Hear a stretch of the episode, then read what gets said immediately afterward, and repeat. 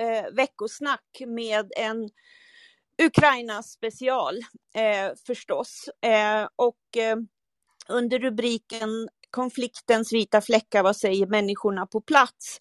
Hoppas vi ha ett eh, eh, fint samtal med Rasmus Kahnbäck som ju är eh, stående reporter hos oss och du är ju nyligen hemkommen från Transnistrien och det kanske vi också får höra något om.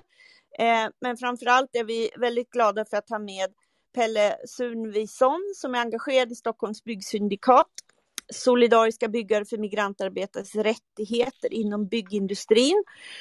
Och många av dem är från Ukraina, så vi kanske kan få veta mer om deras eh, situation i relation till den pågående konflikten och vad människor på plats har hunnit förmedla till dig de senaste dagarna, veckorna.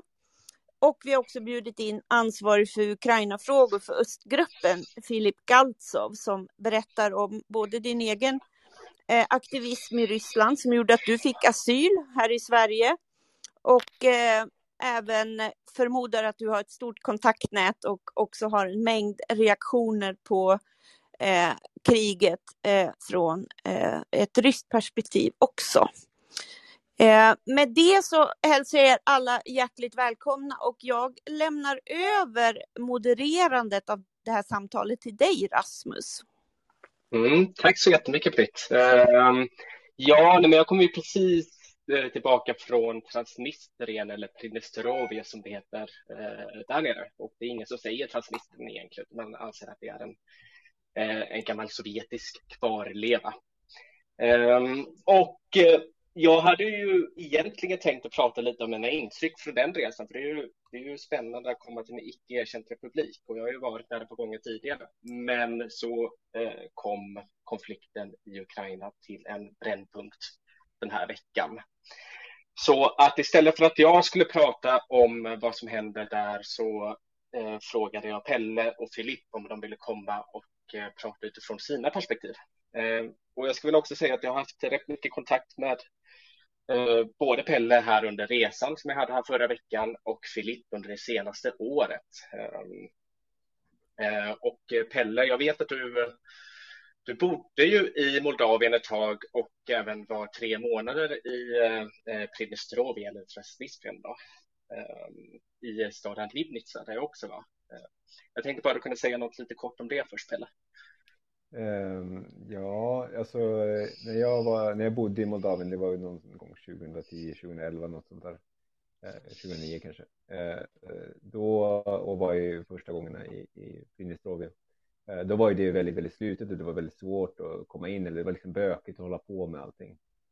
Och sen så var jag där 2019 när jag gjorde research för en, en ny bok som den, är, den ligger redan färdig men den har blivit lite försenad på i själva utgivningen hos Verbal förlag eh, och eh, var, här i, var där i Ribnica. Då tyckte jag att allting hade blivit så mycket lättare. Då man kunde bara åka in och man fick liksom uppehållstillstånd med en gång och man kunde liksom eh, ta sig runt och det var, det var helt annat eh, upplevde då. Och han var ju ganska förvånad över att jag hade fått den utvecklingen efter hela det här med, med separatiststaterna där i, i östra Ukraina. Eh, så att eh, då när jag åkte därifrån så, så, tyckte jag väl att det inte såg ut som att det var någonting, eh, någonting på gång av det som vi, vi ser just nu. Men det är ju ett otroligt liksom, fascinerande område just det här politiskt och så. Nu ska jag inte avslöja för många saker för jag har liksom sparat dem till, till boken men, men på väldigt liten plats så finns det, finns det väldigt många liksom, förundliga, förundliga saker, bland annat man är i, i Ribnica så har man ju utanför Ribnica har man ju lagrat eh, alla de vapen som, som Sovjet tog tillbaka från Warszawapakten. De ligger ju i ett bergrum utanför Ribnica eh, och den stad, den by som, som står på de här vapendepåerna som är, liksom, har en sprängkraft motsvarande var det, tio Hiroshima-bomber eller någonting. Det är den enda byn som kan leva för där finns det ändå jobb att sköta om det här vapendepån. Så man har, man liksom säljer ut sin säkerhet, om man ska säga, eh, och jobb. Det finns en massa sådana märkliga, eh, märkliga förhållanden där i, i Prinnestrovi. Spännande. Vi har säkert anledning att komma tillbaka till det i framtiden, tänker jag. Ehm, och eh, just nu är ju, eh, nu ligger ju Pridnestrovje eller Transnistrien ehm, precis på gränsen till Ukraina och eh, har även det hamnat i hetluften de senaste dagarna. Men jag tänkte jag skulle säga hej till Filip också. Ehm, du var ju ute och demonstrerade igår, eller du anordnade en demonstration igår och eh, skrek det hes kan jag tänka mig. Men hur låter din röst idag? Ja, hej allihopa och tack för inbjudan. Ja, igår, det var så jag kan berätta lite kort, alltså hur det blivit med demonstration, hur det var med demonstration igår. Uh, det var så att jag vaknade till klockan halv sju, klockan sju och bara läst en nyhet att eh, Putin har startat den här invasionen i Ukraina. Och eh, jag bara ringt eh, Martin Uggla, gruppens ordförande och började diskutera, så vi måste göra något vi måste typ göra någonting. Och det blivit så att jag kontaktade dialogpolisen på en gång och bara sagt alltså, typ, att jag söker tillstånd för att anordna en demonstration i Stockholm. Och det verkade som att det var ganska snabbt och bra reaktion och ganska snabbt agerande på. Och jag var ganska glad att det blivit, det var mycket folk, ungefär typ över typ ungefär cirka 500 personer som har samlats på Norra Bantorget. Och sen har vi tillsammans tågat till ryska ambassaden. Och det var mycket tal, men eh, det viktigaste som jag också noterat att det var många ryssar, många ryssar som bor i Sverige som har kommit dit och har tagit ställning mot krig. Och det var massa känslor som jag fick av dem men de, den mesta känslan fick jag av ukrainare som var där. Och de var ganska tacksamma. Och jag såg uh, hur ukrainare på sociala medier bland annat agerade på att uh, Sverige, de, de såg att, typ, att Sverige står i solidaritet med oss och de fick den glädje, glad känsla över det. Och, eh, och idag som jag vet, och det är jättebra, vi, har, vi var första som demonstrerade och idag jag ser att idag i Stockholm det är över typ fem demonstrationer eh, samtidigt på olika platser vid ryska ambassaden, på Norrmalmstorget, på Mynttorget. Och eh, jag just pratade också med min kompis, han heter Alexander Kolchenko, han suttit i rysk fängelse tillsammans med Oleg Sentsov, ukrainsk regissör som var ganska känd och det var hans ärende var ganska uppmärksammat i media och i omvärlden har agerat. Och Alexander just berättade med en ett rysk stridsplan har attackerat en civil byggnad i området Sokorki, det är typ söder om Kiev, det är typ en ukrainsk huvudstad eh, och det typ, där bor typ civila människor. Och jag fick också en känsla och han var ganska glad att höra att Sverige står i solidaritet med Ukraina och vi, och vi agerat ganska snabbt och den här solidaritetsrörelsen som har börjat i Sverige, jag tycker att det var jätteviktigt att markera den solidariteten och jag vet att ukrainare känner sig att uh, de vet att vi står på deras sida. Tack Filip. Ja, det var spännande att vara på plats igår. Jag var där och tog eh, och fotade. Ehm, jag tänkte vi börjar så här att vi snackar lite med Pelle först och så kommer vi tillbaka till Ryssland och, ehm, och de reaktioner som, eh, som finns i Ryssland. Men Pelle, du kan väl bara berätta lite om eh, det arbete som du gör i Stockholm med, eh, med arbetarna, framförallt ryskspråkiga arbetare i Stockholm och sedan vilka reaktioner du har fått från dem. Ja, just det. Eh, man kan ju säga så här bara för att det ska knytas ihop det här Prinnestovi och det, med det jag gör nu. Alltså, eh, jag har ju jag har skrivit två böcker som handlar om, om migrantarbetare i Stockholm där båda har byggt på sånt där wallraffarbete, det ena som bärplockare och andra som, liksom, i byggnadssektorn i, i Stockholm. Eh, eh men eh, innan det så skrev jag två böcker som har att göra med varför man lämnar sina hemländer, sina hemområden.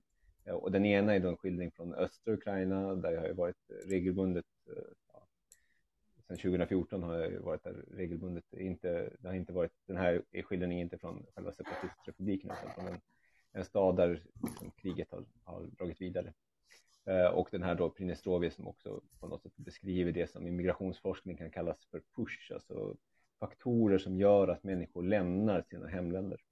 Eh, och när jag hade skrivit om så mm, liksom blev jag eh, mycket mer, från början var jag liksom intresserad av själva konflikten i det här, den militära konflikten och det som finns kring det. Men mer och mer blev jag intresserad av det här, vad gör det med människor att man, man lämnar sina hemländer och vad är det man möter för någonting? Och därför var jag intresserad av att skriva om vad är det som väntar när man kommer till Sverige.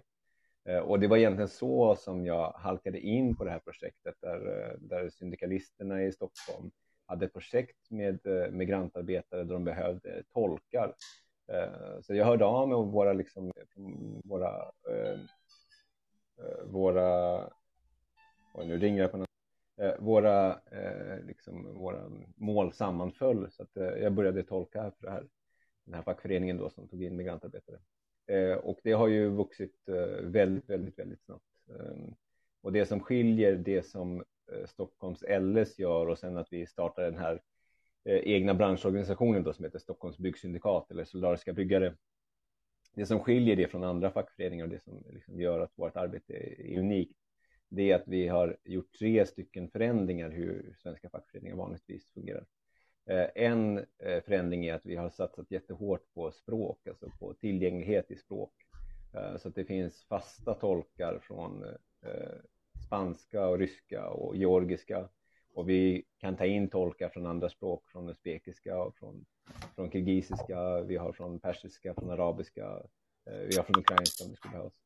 Eh, så vi liksom, eh, har gjort en, en, tillgänglighet, så man behöver liksom inte vänta på att man har lärt sig svenska eller kan engelska, för att eh, de arbetare som är mest utsatta, de, de har inte språkkunskaperna helt enkelt. Så det är den första grejen. Den andra grejen som vi har gjort det är att vi har sagt att en fackförenings uppgift är att reglera Eh, förhållandet mellan arbetare och arbetsköpare. Det är liksom det som är grunden för en fackförening. Och därför lägger vi oss inte i vilket förhållande en arbetare har till staten, alltså om man är papperslös eller inte, om man är, vad man liksom har för migrationsstatus i Sverige har vi sagt att det spelar oss ingen roll. Så länge man är arbetare så har man rätt till, till fackligt skydd. Eh, och sen så den tredje saken som utmärker det är att vi har, vi har förstått att människor som kommer hit förstår ju inte alls hur svensk arbetsmarknad fungerar. Och den attityd som man har haft från fackföreningen, fackföreningshåll generellt har ju varit så att man kan inte få hjälp av fackföreningen om man inte har varit medlem innan eh, man fick problem med sina arbetsköpare. Vilket gör att eh, de allra flesta har stått utanför facklig hjälp. Och i Sverige eftersom hela svenska modellen bygger på att man har facklig representation för att annars kan man inte få sina rättigheter tillgodosedda.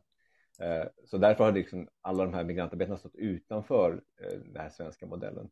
Men genom att säga att vi har ingen karens, man får komma med sitt problem och sen så ser vi till att vi löser vad vi kan och sen så eh, är man kvar i facket, då, då är det bra, då kan man få hjälp igen. Men om man går ur facket efter man har förstått att man behöver vara med i facket, då kan man inte komma en andra gång och säga att jag vill ha liksom hjälp, utan då får man stanna kvar i, i facket.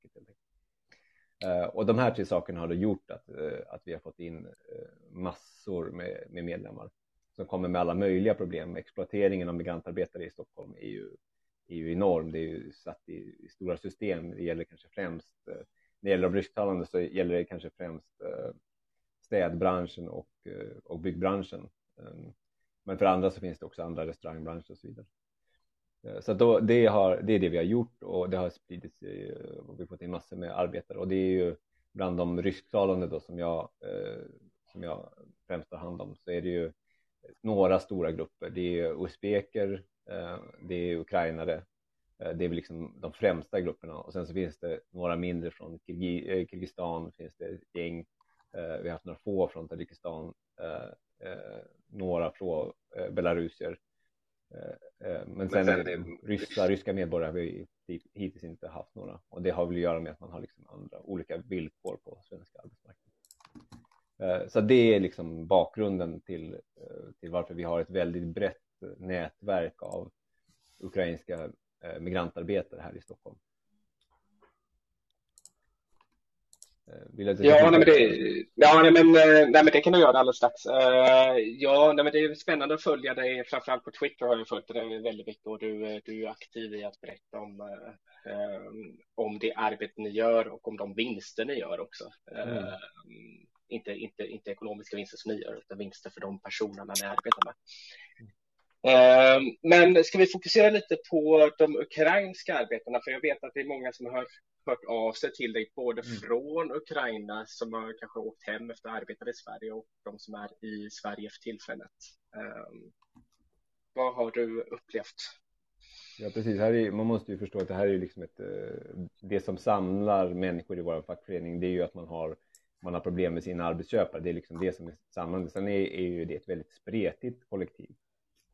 Så att folk har ju väldigt olika inställning till liksom, eh, jag vet inte, livet generellt och vad man tänker och så.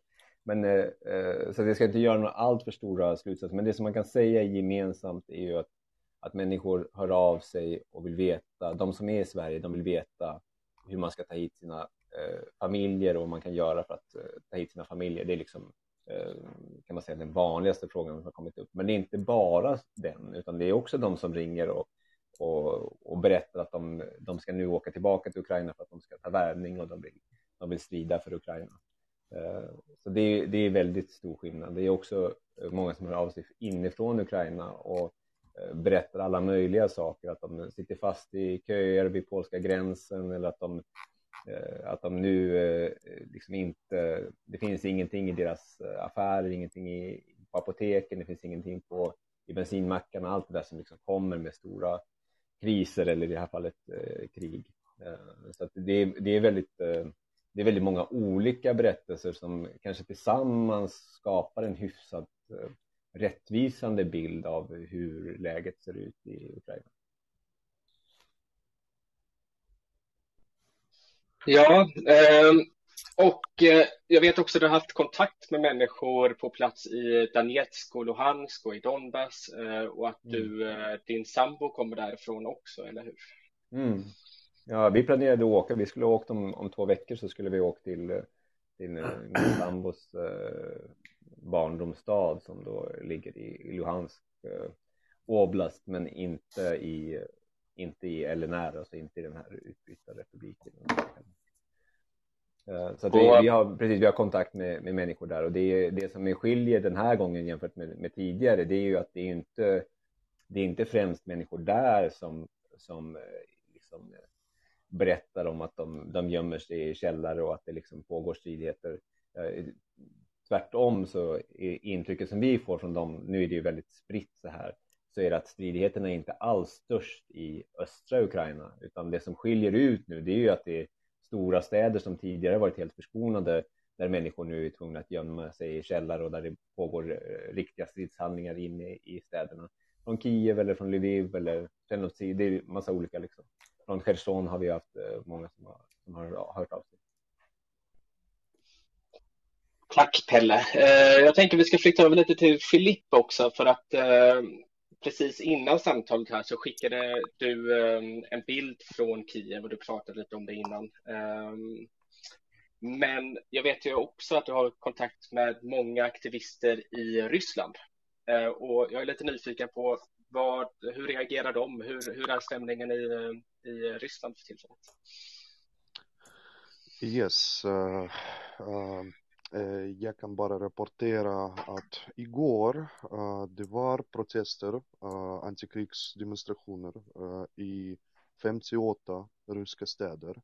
Uh, flesta, flesta demonstrerade i Moskva och det var polisen har grip, i Moskva till exempel poli, gripits ungefär 900 personer och i Sankt Petersburg och i flesta städer typ, på 100 personer och så vidare. Den största demonstration som var eh, antikrigsdemonstration som ägde rum i Ryssland igår, det var demonstration i Sankt Petersburg. Eh, där samlades ungefär över tusen personer enligt eh, oberoende, oberoende medier. Uh, men uh, det som jag kan säga att enligt människorättsorganisationen OVD Info som stämplat i Ryssland som utländsk agent, det man brukar säga i ryska medier eftersom det, det är en uh, det märker att det är en bra källa att följa eh, om protester i Ryssland bland annat. De rapporterar att uh, under, mm, under protester igår greps ungefär 1800 personer. Och uh, när man ser på typ reaktioner på sociala medier, eller när jag pratar med mina vänner, alltså ingen av dem stödjer det som pågår. Och ingen av dem vill ha krig. Uh, eftersom alla tänker på vad ska det leda till uh, i typ, vad ska det leda till för vanliga ryssar? Och uh, det handlar om typ försämrad ekonomi, höga priser på att man går i matbutik och man ser att man, man har inte råd att köpa något och man ser och man också, det finns också, som ni säkert vet, alltså, typ, det finns stark koppling mellan Rus, äh, ryssar och Ukraina när det gäller typ, släktingar, vänner och så vidare. Jag kan också säga en viktig sak apropå typ reaktioner. Jag just nu öppnat en länk på min browser och det är länk till en namninsamling som skaffats av eh, ryska rysk människorättsförsvarare Lev Ponomarev som har också gripits igår men han inte gri... så, men han gripits eh, inte på demonstration, han gripits utanför sitt hem eftersom eh, ryska makthavarna makthavarna uppfattar honom som eh, är arrangör av den här antikrigsrörelsen i Ryssland man kan säga. Och jag tycker att det, alltså igår det var Eh, det var uppmärksammat att nu vi har situationen i Ryssland där finns en krigs, eh, antikrigsrörelse. Uh, och själva namninsamlingen just nu består av, som jag ser just nu, det uppdateras typ hela tiden och det är flera och flera namninsamling var, var skaffat eh, igår. Och just nu det är 400 000 underskrifter mot krig i Ukraina och de också, den, den namninsamlingen också kräver att eh, ryska trupper åker tillbaka från Ukraina och det också kräver att Ryssland måste respektera ukrainsk, uh, Ukrain, ukrainsk suveränitet och integritet. Och eh, det, jag, jag kan tänka att uh, det är också ett signal man kan se och det är också signal till ryska makten att det finns ett det blivit så. Att det finns ett rörelse och det finns och uh, finns reaktion att ryssarna vill inte ha krig. Och jag kan också nämna en sak. När jag träffade, det var många ryssar igår utanför ryska ambassaden. Och jag ser också, typ jag också följer en telegramchat som består av exilryssar och jag också ser reaktioner bland mina vänner i Ryssland, i Moskva, i Sankt Petersburg och olika städer. Och jag jag har ingen statistik kring detta, men jag är ganska säker på att majoritet av ryska medborgare vill inte ha krig. Och majoritet av ryska medborgare också det som var på protester i Moskva igår. Någon typ, eh, det var typ unga människor som bland annat uh, ropade att uh, typ stöd till Ukraina, typ ständvis Ukraina och så vidare. Så det, det för mig till exempel, det betyder att uh, uh, när man ser, när jag kan tänka att när ryska makthavarna ser sådana signaler, de kanske, om det blir, om den här rörelsen blir stort och jag vet att imorgon till exempel och, uh, och på söndag bland annat, det blir fler protester i Ryssland. Uh, det är också, jag vet att den 5 mars uh, två aktivister har uh, anmält till att söka tillstånd för en demonstration i Moskva. I 2014 till exempel, eh, demonstration mot krig har samlat ungefär 200 000 personer i Moskva och typ tusentals personer i flera ryska städer. Och situationen är väldigt annorlunda jämfört med 2014. Nu ryska trupper i Ukraina, inte bara i Donbass, uh, Lugansk som också är del av Ukraina. Men eh, jag kan tänka mig att eh, det är en viktig signal för ryska makthavarna, men det är också en viktig signal för omvärlden att så det finns, som jag ser i media ibland, det finns de personer som försökte att jämföra eller typ sätta likhetstecken mellan Putin och det ryska folket. Och det som jag berättar just nu är en viktig signal att nej, ryssarna vill inte ha krig. Och bland annat måste jag säga, förutom att människor protesterar mot krig, de också protesterar med, mot den ryska ledningen bland annat. Får jag bryta in med en fråga Rasmus? Ja, absolut. Jag tänkte, Filip, jag tänkte fånga upp ett perspektiv. Jag lyssnade på Ekot på väg till redaktionen i morse och där sa den ryska korrespondenten att det hade börjat förekomma uppgifter om att det visar sig att det är vanliga värnpliktiga eh, som Eh, Eh, har skickats ut av, av, av Ryssland och har då alltså inte alls varit medvetna om vad för slags uppdrag de är ute på, det vill säga inte betalda eh, soldater. Och då resonerade hon mycket om att, eh, apropå det du säger, att det redan finns liksom en bubblande bland det ryska folket och om det skulle nå ut brett eh, liksom att de ryska mödrarna gör sina röster hörda, uttryckte den eh, svenska eh, korrespondenten i, i Ryssland då. Är det här något du har hört också mer om eller har du någon kommentar generellt om detta? Mm, jag kan säga så här, jag också har följt rapportering och jag följer också på sociala medier. Det finns en kommitté i Ryssland, en oberoende organisation som heter Kommitté av soldatmördare, mammor till soldater.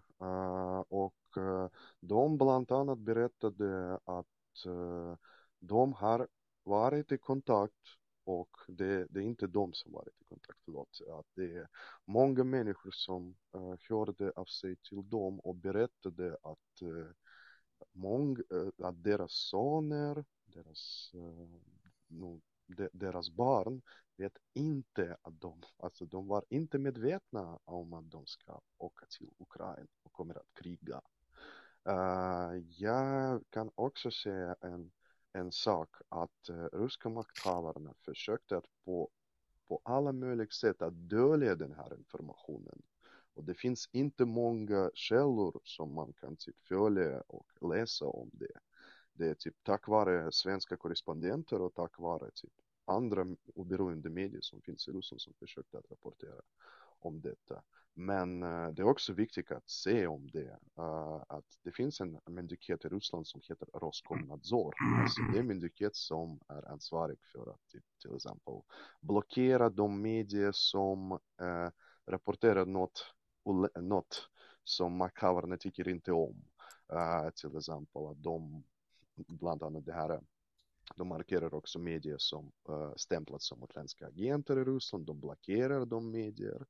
Men uh, en viktig sak uh, kring det är att Roskomnadzor, den här mynd ryska myndigheten, uh, uppmanade alla medier att ni måste, ni måste följa våra officiella kanaler, till exempel försvarsministeriet och olika andra myndigheter som ger information till allmänheten. Och ni måste, och ni måste också berätta om det. Ni, måste, ni kan inte använda andra källor. Och till exempel den oberoende mediekanal TV Rain, till exempel, de är tvungna när de har en ukrainsk speaker som berättar om laget. Uh, en person till exempel, en ukrainsk journalist eller en ukrainsk uh, entreprenör som är med på uh, TV Rains livesändning. Alltså uh, programledare tvungen att säga, alltså typ, men vi, han, han säger själv att jag, jag måste säga att uh, våra försvarsministeriet tycker inte om detta. Tycker inte om att det är sant det som du berättar. Han kanske den själva programledare eh, skeptisk till den här informationen, men han är tvungen att främja den, eh, man kan säga, rysk propaganda på något sätt. Ja, det är spännande att eh, höra vad som händer i Ryssland också. Eh, och jag tänkte att ett spännande perspektiv handlar just om de eh, om antikrigsaktivisterna. Och jag vet att eh, ett perspektiv av det är att många av de ryska ehm, eh, eh, fredsaktivisterna eller antikrigaktivisterna som har bott i Ukraina har lämnat. Och jag såg att du har skrivit någonting om det, Pelle, eller har lite stånd på det. Kan du berätta lite om det? Ja, precis. Alltså, ehm, vi genomförde ju med start 2017 så genomförde ju jag tillsammans med ett antal ryska eh, antimilitarister har ju genomfört en typ av fredsövningar som var från början Sverige och Ryssland och sen blev Sverige, Ryssland, Finland och sen blev Sverige, Ryssland, eh, Ukraina eh, och sen var på slutet, eh, jag tror vi var 150 personer på, på den sista eh, övningen som vi hade i, i, i Finland. Eh, sen kom tyvärr eh, corona emellan så då, två år har det varit eh, uppehåll, eh, vilket är väldigt synd för att det var ju precis allt det här som vi, vi pratade om, precis hur man skulle kunna reagera, hur man skulle kunna ge stöd till olika sidor och så.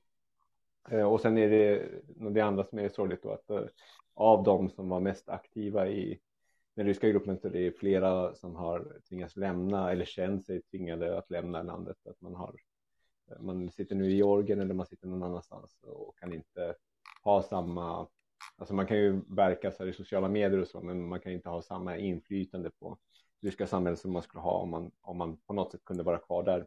Eh, sen får man förstå att man, man lämnar eh, Ryssland när, när man hotas med fängelsestraff eller annan repression. Eh, så det, det är ju otroligt sorgligt att det är så. De skulle behövas mer än, än någonsin nu skulle jag säga. Och det är väl ett stort, ett stort ok, en stor börda som har hamnat på någon sorts ryska folkets axlar. För det är ju ett, ett fredligt slut på den här konflikten är väl egentligen bara, den enda möjliga vägen är väl egentligen bara om, om det görs av ryska folket. Ehm, på samma sätt som man kan tänka sig att, eh, att kalla kriget eh, tog slut med, genom, genom eh, protester inifrån Sovjetunionen själv. Mm, jag ser att Martin är eh, aktiv i att uppdatera länkarna här i, eh, i Clubhouse. Så att om ni är nyfikna på att läsa lite mer om detta så går det att uh, kolla på de länkarna. Jag vill också öppna upp, uh, öppna upp för att Pelle och Filip kan ställa varandra frågor och att uh, vi kan ta in frågor från golvet. Så att om ni kommer på någonting så är det bara att räcka upp handen. Visst är det så det går till, Britt? Eh, absolut. Eh, och ja, det är ju verkligen intressant nu med det otroligt skarpa nyhetsläget. Som jag, som jag sa på vägen hit lyssnade jag på Ekot och då rapporterade man ju först från ukrainska försvarsdepartementets Twitterflöde där det då just apropå eh, värnpliktiga och att eh, allmänheten eh, Mm, alltså om man vill strida och känner sig moraliskt och fysiskt i form att göra det så eh, har det väl florerat i medier eh, siffran eh, mellan 18 år och, och 60 år tidigare. Och då här på vägen hit till redaktionen så rapporterade man om att ukrainska försvarsdepartementet hade skrivit så att man uppfattade det som att det skulle vara minderåriga också. Men bara under det loppet av promenaden på väg till redaktionen så, så ehm, eh, var det ju tydligt sen efter 20 minuter att det, att det man hade öppnat för var att om man kände sig just moraliskt och fysiskt i form och var över 60 så uppmanade man ukrainska medborgare och det man behövde göra var att ta med sig pass och sitt identifikationsnummer. Eh, eh, eh och, och, detta i ett scenario där man ju också uppmanat personer att i, i norra delen av, av Kiev eh, sätta sig i säkerhet för att de ryska trupperna bara var eh, ja, väldigt mm, kort därifrån. Så att man känner nästan nu när vi har pratat i en halvtimme så vet man inte mm, hur snabbt saker och ting kan ha hänt. Är det här något som ni har någon reflektion, tanke kring? Är reflektionen alltså kring det snabba nyhetsflödet eller vad? Jag förstod inte riktigt vad. Eh, nej, om, jag, eh, om just i relation till att eh, allmänheten eh, och att möjligheten att eh, strida för Ukraina. Hur tongångarna går eh, om, om det. Man har ju sett att familjer börjar splittra sig, att kvinnor och barn mm. förflyttar sig och att eh... Men det finns väl liksom två sidor av det där. Dels så, är det ju människor som, som vill strida Eh, och som liksom går att ta värvning. Jag har en, eh, en kompis pappa som försökte ta värvning men som inte lyckas på grund av, av hjärtproblem och vi har pratat med, jag har pratat med flera medlemmar i, i fackföreningen som nu gör allt för att, allt, som befinner sig här i Sverige som nu gör allt för att komma tillbaka till Ukraina för att uh, ta värvning och, och för, att, uh, för att strida mot, uh, mot Ryssland. Det är ju liksom den ena sidan, visst. Sen den andra sidan är ju att det pågår en allmän mobilisering. Så jag har också pratat med ett antal ukrainare som är väldigt rädda för att de, de ska tvingas ut i, i krig. Alltså som inte alls har någon, någon vilja att att strida eller så. Eh, men som nu eh, tror att det kommer bli så att de kommer bli, de kommer bli uttvingade i kriget. Eh, så det är liksom den andra sidan av samma sak. Och då, det, jag har också pratat med en, en medlem som eh, av en slump var på väg ut från Ukraina. Han var på väg till Sverige i förrgår kväll, alltså innan det började. Och sen fastnade på vägen mot polska gränsen och så när han kom till polska gränsen så blev han tillbakavisad. Och det var inte inte polska eh, gränskontrollen som stoppade honom utan den ukrainska som sa att han är i, i, i vapenför ålder och därför får han inte lämna landet. Utan han måste åka tillbaka och han måste eh, rapportera till det här. Vainkomat, vad man nu ska kalla det, alltså plikt, kontrollpliktverket, alltså där man tar, tar militärvärvning. Så det där finns ju en sorts dubbelhet till det där, alltså dels att eh, man har gjort tillgängligt, man har ju också sagt att man ska dela ut vapen till alla ukrainare som vill, som vill skydda sina hem. Och den här, eh, min väns pappa här då, som, som inte fick värvning, eh, hans, eh, det sista jag hörde från honom då sa han att han skulle vänta på sitt eh, kontor med en pistol och en hammare och kommer de så skulle han göra allt som han kunde tills han bara kunde slåss med, med bara händer. Så det finns ju någon sån också att liksom folk organiseras eller liksom tar till vapen helt, eh, helt privat också. Eh, så att det är många lager för det där som handlar om, om värmen. Det är inte alls så okomplicerat som man kan tänka sig. Nej, jag tror inte min fråga var menad att uh, vara okomplicerad, utan precis det uh, uh, faktumet um, att det är, det är ett skede som går väldigt snabbt och, och frågan är just om, om hur snabbt det kommer bli att man obligatoriskt kallar in och så. Och de kommentarerna som har skett, som man ju hör från eh, de som kan mer om försvarsfrågor, är förstås det katastrofala i att ha en armé av människor som aldrig har hållit i ett vapen också. Och eh, ja, det, det, är ju verkligen så att det här är eh, en, en otroligt komplex situation som går skrämmande fort. Det var lite det min fråga mer var inne på. Ja, man kan säga att det, är ju, det börjar egentligen innan den här invasionen började så började det med att man i de här separatistrepublikerna införde order om allmän mobilisering. Eh, att man, eh, när man gjorde de här ut, eh, utrymningarna från separatistrepublikerna in till Ryssland då, så var det så att om man, om man var, var ensamstående man så fick man inte ta sig över gränsen. Om man åkte buss så fick man inte ta sig över gränsen, däremot fick man skicka över sin familj det enda sättet att som man i vapenför ålder komma över gränsen till Ryssland, det var om man eh, åkte själv, om man själv körde sin bil och man hade familjen med sig, då hade man rätt att ta sig ut ur, ur de här separatistdelarna. Men annars så, eh, så hade man inte det. Så att det här att liksom alla ska till vapen, det har ju eh, tyvärr pågått då ett tag. Uh, får jag också lite kommentera? Uh, ja, absolut. Ja, uh, Eh, det är jättespännande det som Pelle berättade om det, det perspektivet som finns bland också en del av människor. Men äh, i min bild, som eftersom mina kontakter består också inte bara om typ ukrainare äh, som, no, typ jag kan säga äh, att de ukrainare som jag har kontakt med, det är också typ aktivister eller människor som typ engagerade i olika frågor typ från att hjälpa till flyktingar i Ukraina och till tills personer som jobbar med olika humanitära frågor. men alla de har anslutit sig till det som kallades territoriella försvaret i Ukraina eller typ områdesförsvar. Typ i Kiev, i olika städer har enligt alltså det var beslut av uh, Zelensky, Ukrains president, att skaffa sådana typer, man kan, man kan kalla det också som civila försvaret bland annat som har uh, lärt sig hur man använder vapen, om det kommer till exempel ryska armé och sånt.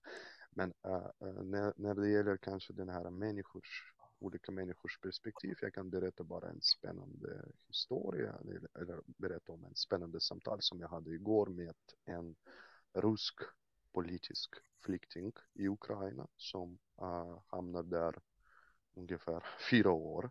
Han har problem med sina uh, papper eh, eftersom han har sökt, han sökte asyl i Ukraina men han fick avslag på sin asylansökan och han väntar på överklagan någonstans typ ett år. Och det är också, det finns, det fanns sådana problem i Ukraina när jag var själv flykting och sökte uh, asyl där i Ukraina. Och det inte, det verkade som att det inte förändrades alls den här uh, och typ och hur typ Ukraina ställer sig till ryska flyktingar bland annat. Men han, eh, jag frågade honom igår, alltså Igor, vill du, Igor, vill du kanske flytta därifrån? Och eh, eftersom typ han eh, jag var ganska osäker att han ska stanna. Men han var ganska, han svarade mig och var ganska säker, och det var också, jag fick ett känsla uh, att han sagt, uh, jag kan inte, jag, jag vet inte, jag vill inte flytta härifrån. Ukraina blivit mitt andra hemland och jag vill, jag har anslutit mig till ett eh, uh, territoriellt försvaret i Kiev och eh, de typ ryska flyktingar i Ukraina som jag hade kontakt med, typ majoritet av dem Eh, har sagt mig att eh, vi vill stanna, vi vill inte vi vill inte åka typ till Europa eller flytta till Europa. Vi, typ Ukraina för oss att det, det blivit vårt land också och de är redo att försvara sin nya hemland man kan säga. Och jag fick den starka känslan av det här samtalet och uh, jag också tänker på att det är viktigt också att uh, att det är jätteviktigt att förstå att uh, det som jag ser, det finns, jag, kan tänka, jag, jag vet att det finns människor som vill inte alls kriga eller, och det, de har också, jag också respekterar uh, deras tanke kring det och respekterar varför och förstår varför de inte vill det.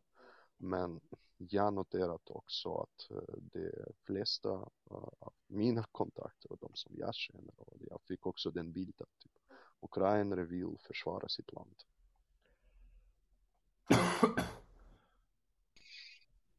Ja, det är vad många säger som jag pratar med också.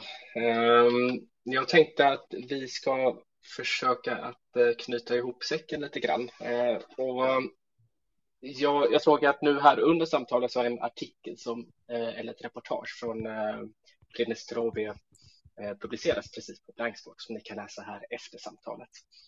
Eh, och där intervjuar jag en person som eh, flydde från Luhansk, som är en del av Donbass, för åtta år sedan och flydde till sitt andra hemland, Pridnestrovje, så att hon hon flyttade från en icke-erkänd republik till en annan icke-erkänd republik. Så läs gärna det samtalet. Eller läs gärna det reportaget. Det som jag upplevde nu när jag var borta förra veckan var att, det, eh, att Pridnestrovje har en ganska stark eh, rysk influens, eller de är väldigt starkt influerade av Ryssland, både politiskt och kulturellt, men också informationsflödesmässigt. Och det var en eh, spännande upplevelse att få sitta i rum där man pratar om konflikten och kriget i Ukraina utifrån eh, det helt andra perspektivet. Man pratade om att eh, samtidigt som jag intervjuar den här Anja som är med i artikeln så, eh, så kommer en nyhet från Luhansk där presidenten i Luhansk säger att nu ska vi evakuera all civilbefolkning som Pelle pratade om. Ehm, och det första hon tänkte på var, men vad händer med min mamma och min pappa ehm, i den här situationen, för de bor kvar i Luhansk. Och eh, eh, mamman valde för åtta år sedan att flytta med till eh, Prinestrovje eller Transnistrien och eh, valde sedan att flytta tillbaka till, eh, till Luhansk och bor där och har inte lämnat staden trots att de blev tillsagda. Och pappan som är 58 år gammal blev tvångsinkallad som reservofficer och eh, egentligen mot hans vilja. Han vill inte gå in i kriget, berättade hon. Men eh, det ställer också frågan om eh, lite informationsflöden, att när det är en sån här konflikt så är det alltid svårt att veta vad, det, vad är det som stämmer, vad är det som inte stämmer. Och jag själv gjorde ett misstag igår i att eh, rapportera om att det eh, sköts missiler från eh, Prinestrovien mot Ukraina och detta stämde inte, så det var jag tvungen att gå in och dementera ganska snabbt. Um, och eh, jag vet att Britt, du har en fråga för att eh, avsluta samtalet lite. Ja, alltså generellt är ju just frågan om, om desinformation är ju högaktuell i, i ehm, alla skeden. Eh, eh, men eh, ex, extra så i, i just ehm, den här konflikten också. Jag menar det ryska informationsflödet och på vilket sätt det sker är ju något som är välkänt sedan sen länge. Och ehm, det har ju också varit intressant att se hur, hur tydligt det också eh, lyfts fram och väldigt tidigt, eh, även i ett svenskt perspektiv, uppmaningar till var och en att inte eh, okritiskt dela information, att prata med sina barn förstås om, om det som händer. Mm. Och, och ehm, eh, Myndigheten för samhällsskydd och beredskap har ju en väldigt mm, fin sammanställning av just det här över att tänka på vem ligger bakom informationen, var finns informationen och eh, vem, liksom, vad är den ursprungliga källan, går den att hitta och så. Eh, men och just det här är ju frågor som jag bevakar i min, min vanliga eh, i, i, min vanliga gärning så och där eh, jag ställde en fråga på Facebook igår till mitt flöde om vad har varit din primära nyhetskälla. Det är ändå intressant i ett sånt här skarpt historiskt eh, skrämmande läge var människor vänder sig och så.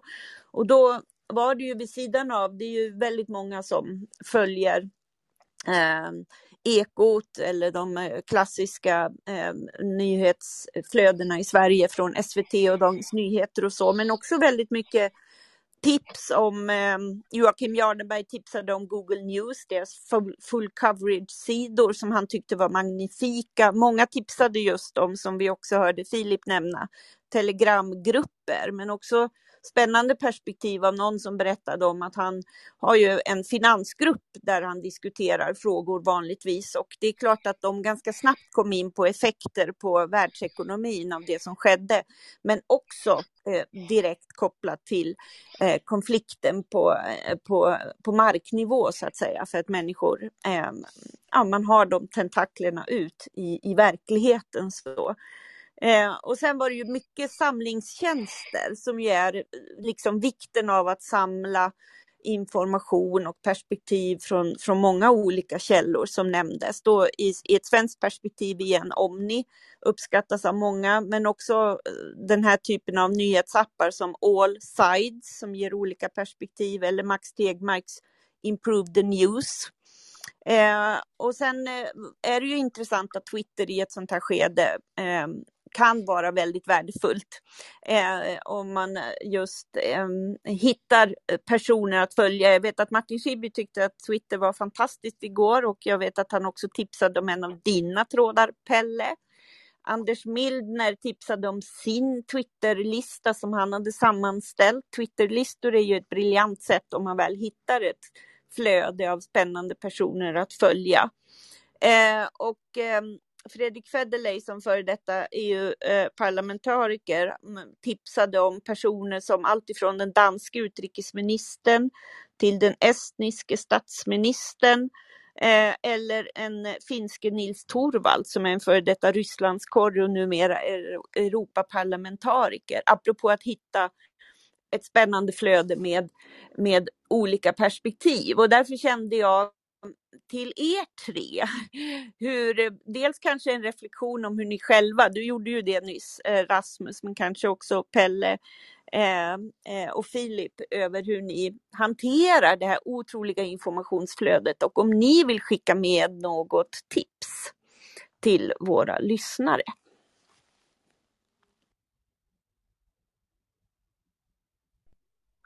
Pelle, vill du börja? Eh, det kan jag absolut göra.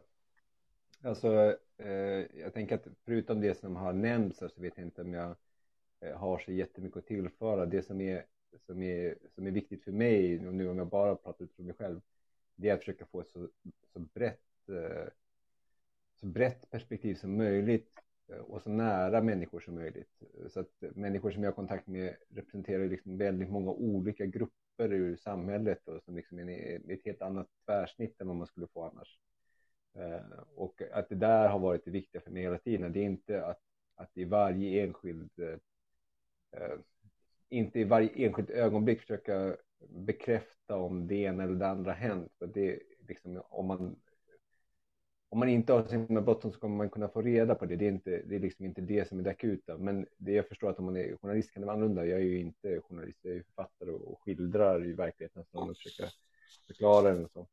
Eh, så min eh, det som jag gör, jag ska inte säga att det är ett tips till någon annan, för det är det inte, men för att förklara det gör jag, det gör det är att liksom prata med så många olika människor som möjligt för att försöka få någon sorts uppfattning om, eh, kanske inte det faktiska som händer, men hur det påverkar människors liv på alla de upptänkliga sätt som finns. Så att istället för att försöka liksom koka ner det till något rätt svar, att det är så här det är och det är precis så här har varit, så, så ser jag gärna en sorts eh, bred eh, skildring som inte, där det ena inte utesluter det andra eller att man försöker liksom koka ner till ett, ett koncentrat i något sorts reducera det. Eh, vilket finns, finns behov av det också, men det är inte det som, som jag har gjort. Så att, eh, eh för mig så har det varit hela tiden att ha kontakt med så många människor som möjligt på så många platser som möjligt. Eh, och att eh, försöka få in så många perspektiv som möjligt. Eh, så det, det är väl liksom det som, det är det jag gjort. Jag, det är det jag gör när jag, när jag skriver och det är det som jag försöker göra om jag, om jag twittrar eller så också. Att det är, försöka plocka upp många enskilda historier. Inte så att det bara blir så anekdotisk bevisföring utan att den där, de där många rösterna tillsammans ändå blir någon sorts kör. Man ändå får någon sorts helhetsintryck av det. Så det är väl liksom det. Men hur lätt det är för någon som inte har kontakter eller inte pratar språk eller så, det är klart, det är ju jättesvårt att säga. Eh, men jag tycker för att de, för de allra flesta så är, men det går ju alldeles utmärkt att bara följa de kanaler som, som Britt nyss nämnde. Alltså bara att följa Sveriges Radio och SVT och så, det kommer man ju jättelångt på. Sen får man väl hitta de där andra historierna som till exempel med blankspot som inte är, det är inte det här ögonblicks, ehm, alltså uppdateringarna, men det, det säger någonting djupare om någonting annat som inte får plats i den här snabba uppdateringen. Så jag är eh, ju på det sättet kan jag säga ligger vi i mitt skrivande mycket närmare blankspot än andra, eh, alltså andra journalistiska ehm, medier. Tack Pelle. Eh, och Filip. Mm. Jag håller helt och hållet med Pelle. Det är viktigt med att, typ, att ta med sig olika perspektiv. Men jag tror också det här när det handlar om uh, Alltså vilka, vilka medier man följer, det är också typ en språkfråga eftersom till exempel för mig och Pelle det är kanske lätt eftersom typ med ryska, jag vet att Pelle kan jättebra ryska och jag typ ryska är min modersmål och jag kan även ukrainska så för mig det är lättare att jag har kontakt, typ jag kollar på telegramkanaler, jag har kontakt med olika personer. Men när det gäller typ någon, någonting som jag kan tipsa, jag kan tipsa till exempel Zaborona Media de finns, de rapporterar på Twitter och nu jag ser till exempel att de rapporterar att just nu i Kiev, i ukrainsk huvudstad, eh, att ryska militärer nu där och det pågår eh, och det har kriget nu i ukrainsk huvudstad. Och de rapporterar löpande på engelska bland annat. Så typ det är oberoende, oberoende ukrainska medier som eh, som rapporterar ganska bra och typ främjar den typ professionella journalistik bland annat eh, och eh, innan invasionen de också uh, uh, jag har också märkt dem som en oberoende källa som de också typ inte kan inte säga dem typ pro pro, pro Zelensky eller typ pro Poroshenko eller någonting sånt utan de försöker rapportera typ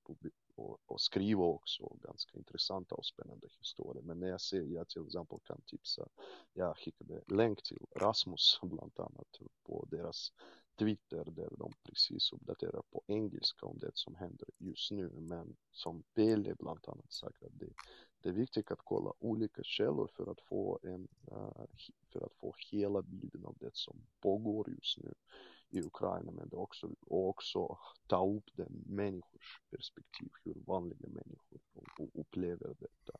Samtidigt det är också, som jag tycker det är också viktigt att eh, det är också viktigt att Följer det som pågår men och min sista poäng är det här alltså typ att man när man typ följer nyheter när man typ följer den rapporteringen man måste också kanske tänka och, ställa frågor till sig. Vad kan jag göra i den här situationen? På vilket sätt jag kan typ stödja de vanliga människorna? På vilket sätt jag kan till exempel att man kanske sprider information och visar solidaritet bland annat tycker jag. Det är också oerhört viktigt. Eh, just idag när vi har den situationen att det just nu pågår krig mitt i Europa. Tack så jättemycket. Eh, jag tänker att eh, ni har sagt det mesta ehm, och jag reflekterade ju lite innan så att jag vill tacka för samtalet med er. Det var jättespännande att höra vad ni Pelle och Filip. Och jag vet att jag sa att det skulle ta lite kortare tid än vad det tog, men det var så pass spännande så att jag tycker det var värt det.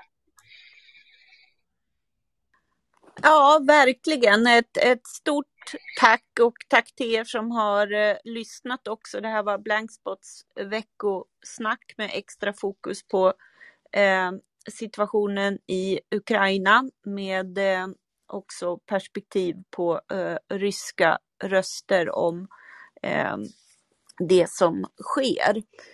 Eh, och ni som precis har kommit in och kanske är sugna på att höra hela samtalet, nytt för Clubhouse är ju att om man besöker vår klubb eh, som arrangerade det här samtalet så kommer det inom tio minuter finnas en replay av det här samtalet plus att Blankspot kommer publicera det som en podd som går ut ihop med vårt nyhetsbrev på söndag. Så är ni nyfikna på att följa vår kommande rapportering och framförallt Rasmus rapportering eh, eh, om även eh, sin senaste reportageresa och överhuvudtaget så titta på blankspot.se och eh, skriv upp er för ett nyhetsbrev så får ni det på söndag. Eh, och med det så får jag verkligen tacka